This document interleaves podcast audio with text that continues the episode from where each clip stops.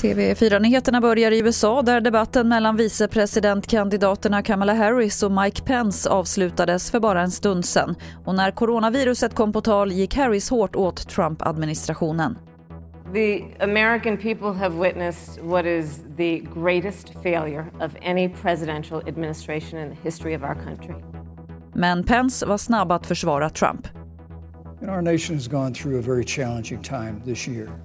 But I want the American people to know that from the very first day, President Donald Trump has put the health of America first. Och mer om debatten finns på tv4play.se. Och mer från USA, för Facebook skärper nu sina riktlinjer inför valet där om några veckor. Bland annat kommer de att märka inlägg som drar förhastade slutsatser om valresultatet och det införs också ett tillfälligt stopp för politiska annonser efter att vallokalerna stängt. Och vi avslutar på hemmaplan för natten till idag var det något som exploderade på en balkong till ett flerfamiljshus i Helsingborg. Flera rutor gick sönder och fasaden fick skador men ingen person ska ha skadats. Vad det var som exploderade är oklart. Det var det senaste från TV4 Nyheterna. Jag heter Lotta Wall.